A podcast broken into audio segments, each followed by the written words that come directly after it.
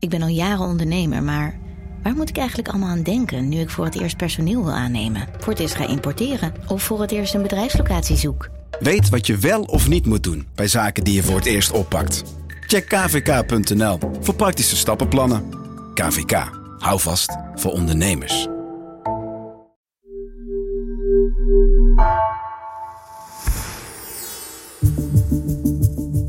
Vanaf de redactie van NRC het verhaal van dit jaar.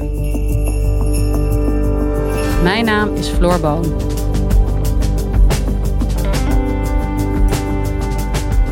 Het coronavirus leek voor de inwoners van Heerde in maart ver weg. Wat ze niet wisten was dat het virus al lang als een sluipmoordenaar de hechte Veluwse gemeente was binnengedrongen. Redacteuren Hugo Lochtenberg en Karel Smouter zagen hoe het virus het dorp, waar altijd alles hetzelfde blijft, voorgoed veranderde. Hugo vertelt.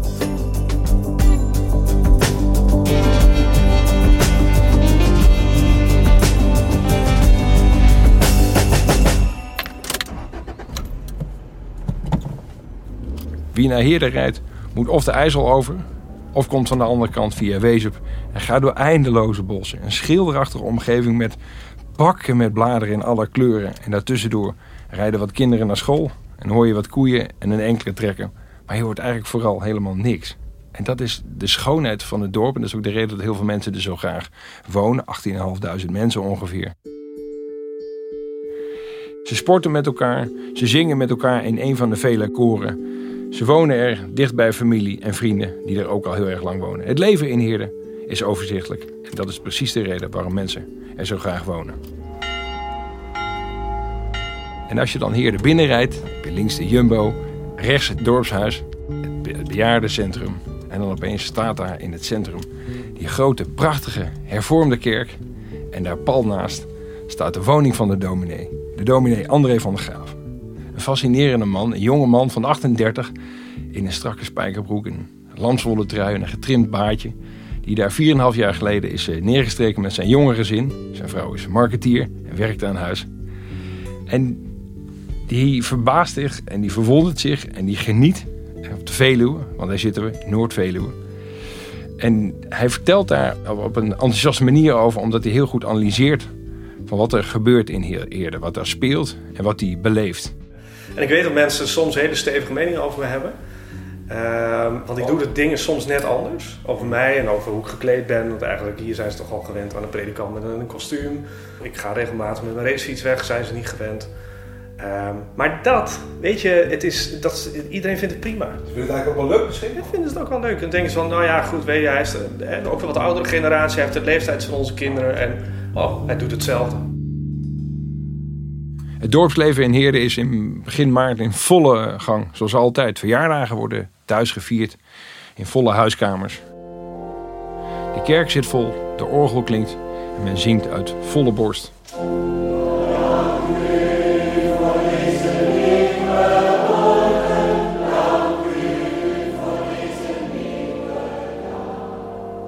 Een dag later is er nog een bijeenkomst over Lelystad Airport, de nieuwe luchthaven, waarvan de vliegtuigen precies over Heerden gaan scheren en waarover veel verzet is. Men is bezorgd. De zaal zit vol met 150 bezoekers. Het college van BMW zit op de eerste rij. Ja, dames en heren, van harte welkom op uh, deze avond. Die gaat over de stuitingshandeling in verband met Lelystad Airport. Ja, ik zie een hele volle zaal. Wat een opkomst. Ik zie echt dat dit ook de gemoederen bezighoudt. En niet alleen van ons, maar ook van buurgemeenten. De gemeenten in de, in de, in de omgeving. U maakt zich hier waarschijnlijk ook zorgen over, anders zou u hier vanavond natuurlijk niet zijn.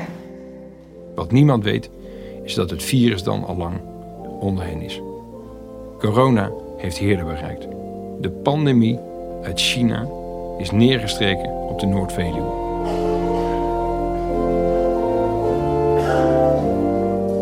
Groots, van buiten, razendsnel en onzichtbaar.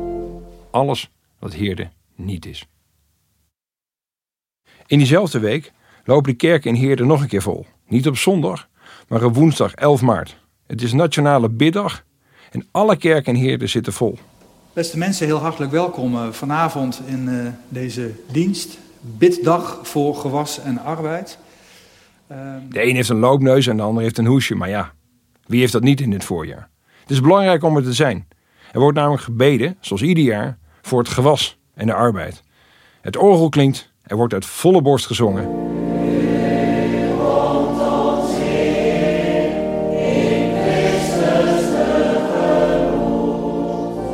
Ik heb het de hele winter niet geweten dat er van u diep in dit dode woud ergens wat goud bedolven lag.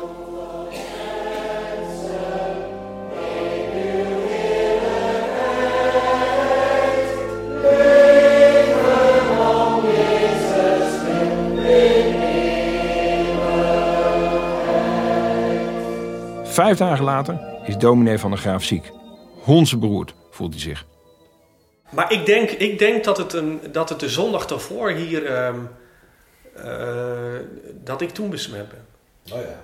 Ja, want wij hadden een hele, volle, ja, een hele volle kerkdienst.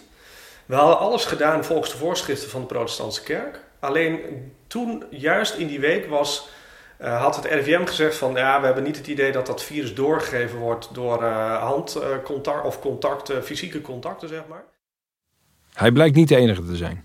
In een paar dagen tijd grijpt het virus om zich heen, worden mensen doodziek en blijkt het ook binnen te zijn bij Brinkhoven, het verzorgingstehuis in het centrum van Heerden.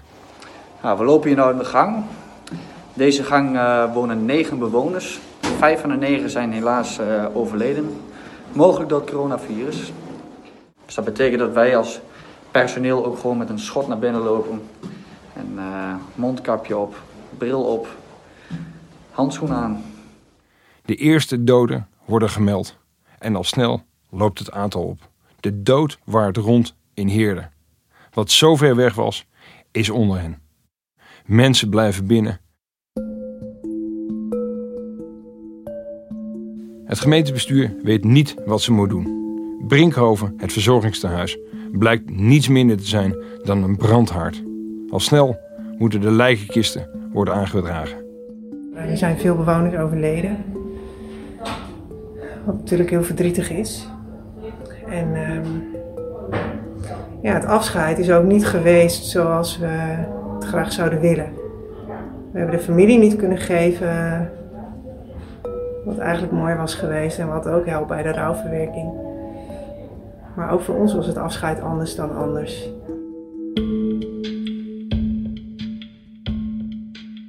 Op 50 meter van Brinkhoven, het verzorgingstehuis, zit Memento Mori, gedenk te sterven. Het uitvaartcentrum dat een overzichtelijk bestaan leidt. Eén, twee begrafenissen per week. Dat is zoals het normaal gaat. Maar nu is niets meer normaal. De kisten worden letterlijk binnengedragen, één voor één. De ene kist wordt met de ander voortgeduwd. De koelcel, die plaats biedt aan zes kisten, voldoet al heel snel niet meer. Extra ruimtes met nieuwe koelelementen worden ingericht. De eigenaresse plakt memobriefjes op de zijkant van de kist met de naam van de overledene en plakt ze vast met plakband om er zeker van te zijn dat niemand de verkeerde kist meeneemt. De paniek is groot, de dood waart rond in Heerden. Zullen we samen bidden?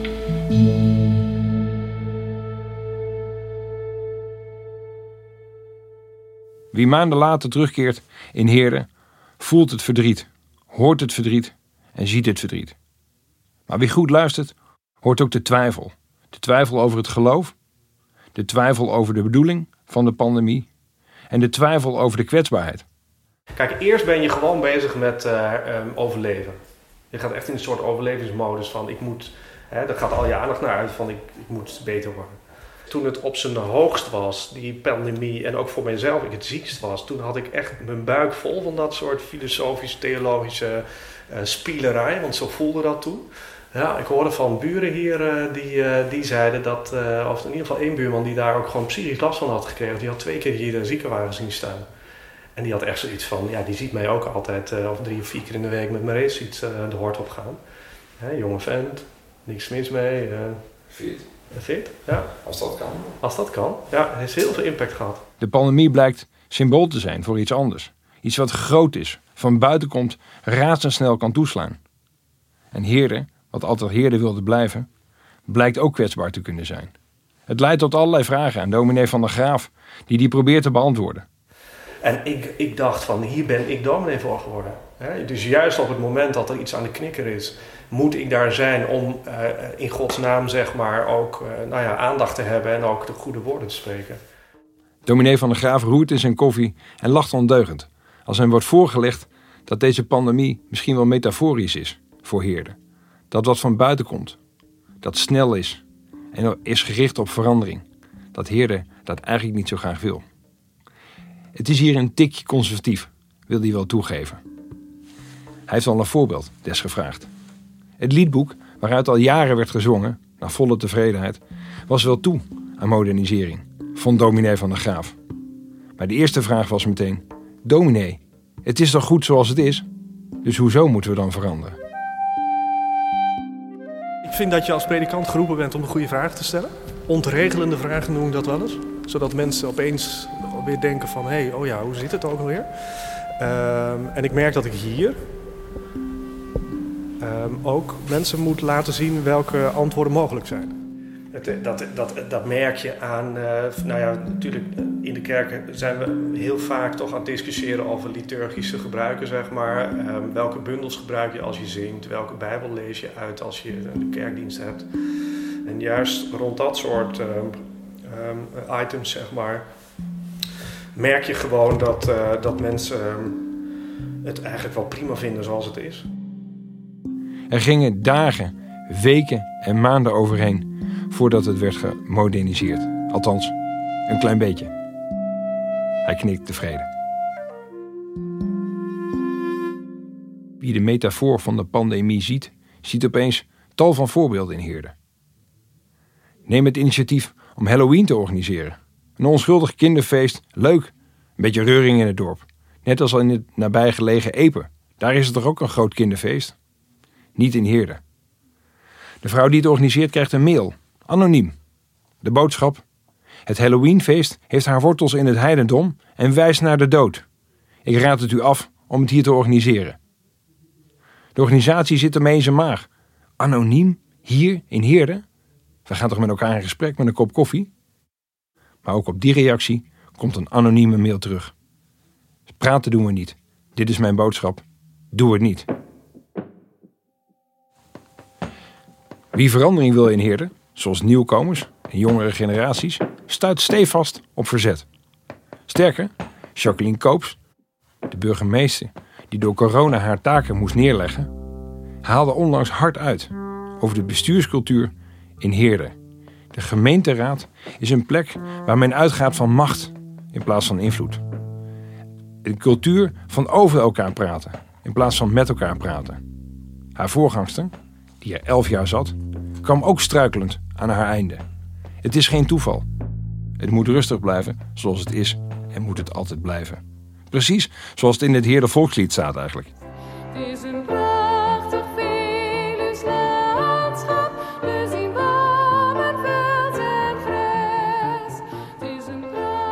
Heerde, blief mijn vriend biedt older.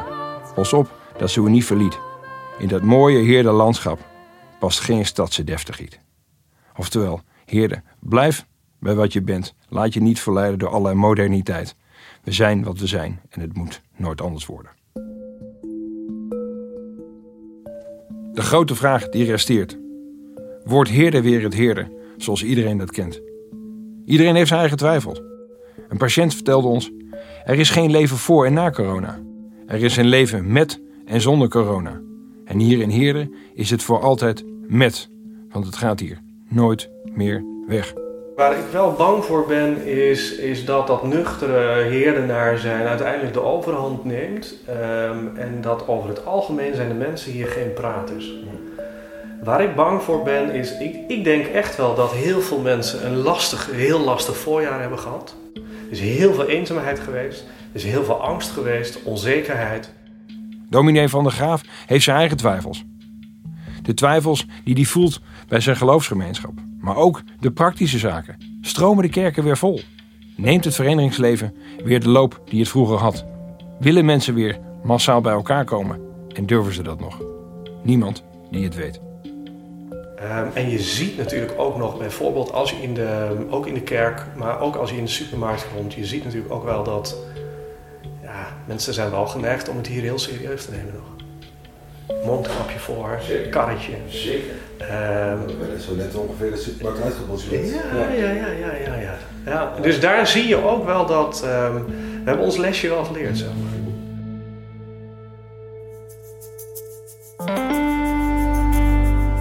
Je luisterde naar vandaag, een podcast van NRC. Eén verhaal, elke dag. Deze aflevering werd gemaakt door Else van Driel, Felicia Alberding en Jeppe van Kesteren. Chef van de audioredactie is Anne Moraal. Dit was vandaag. Morgen weer.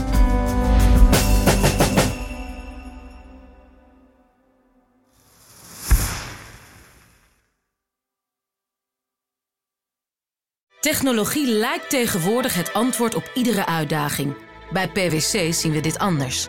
Als we de potentie van technologie willen benutten, kunnen we niet zonder een menselijk perspectief. Human-led, tech-powered noemen we dat. Ga naar pwc.nl.